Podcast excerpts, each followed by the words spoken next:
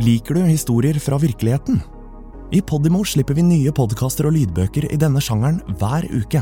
Dokumentarer, personlige historier og true crime.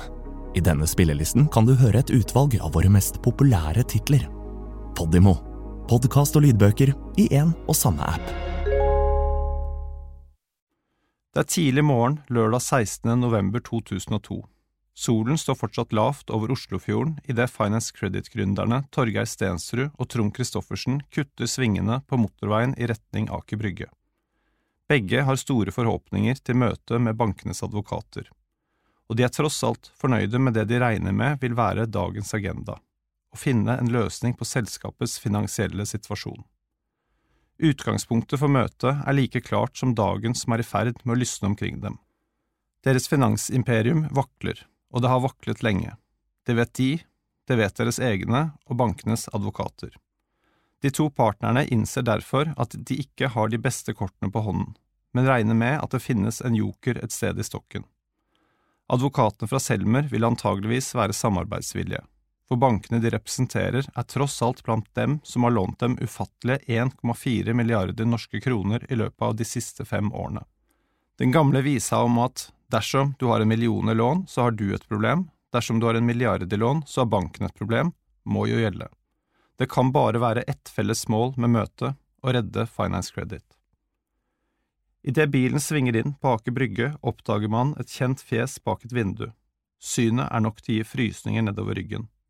Ansiktet som fyller hele synsranden, tilhører Gunnar Foss, Bank-Norges mest effektive ryddegutt. Hva gjør han her? Kan det være en tilfeldighet? Klokken viser 09.45. Det er lørdag morgen. Foss er selvfølgelig ute i et personlig ærend. Han bor, for alt det man vet, i nærheten.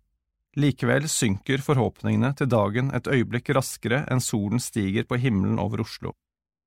Og da de går ut av bilen dypt nede i parkeringshuset, vil det være galt å si at denne dagen har startet godt for de to Finance Credit-gründerne. Døren til møterommet lukkes, og samtalene begynner med at partene føler seg frem med høflighetsfraser, en form for sosialt samvær de alle er svært fortrolige med.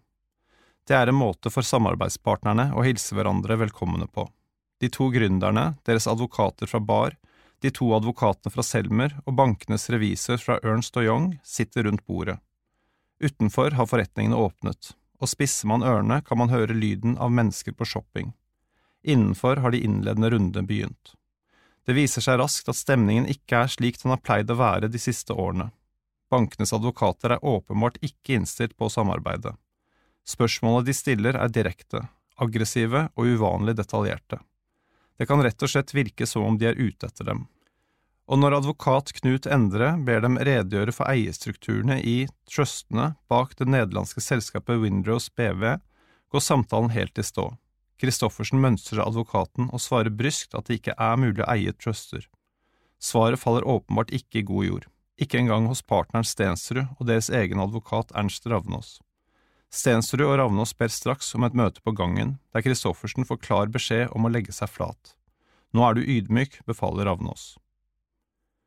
Vel inne igjen blar forhandlingspartnerne gjennom bunken med notater, mens den andre av bankenes advokater, Einar Grette, går mot døren. Jeg går og henter et kaffe, sier han på veien ut. De to Finance Credit-gründerne kan bare høre advokatens stemme i det fjerne, og nå gjelder det å legge en strategi, en ny strategi. Bankene legger åpenbart opp til et råkjør, og deres advokater er tydeligvis ikke interessert i å høre på Torgeir Stensruds overdådige og ofte smigrende festtaler. Stensrud forsøker å lette stemningen med trusler. Trusler om at han kommer til å sulte i hjel om det ikke snarest blir servert høye smørbrød. Det hjelper ikke. Verken Selmer-advokatene Endre og Grette eller deres egne advokater fra Bar, Peter Hammerich og Ravnås, så mye som ler på smilebåndet. Ei heller Kjetil Christensen, bankenes revisor fra Ernst og Young, virker til å være i godt lune. Her inne verken ler man eller spiser man frokost sammen. Bak lukkede dører drikker man sort kaffe og stirrer på hverandre med kalde blikk. Med ett stiger nye mennesker inn i møtelokalet, og en mørk stemme spør, Trond Christoffersen, hvem er det? Christoffersen ser opp og svarer, det er meg, her.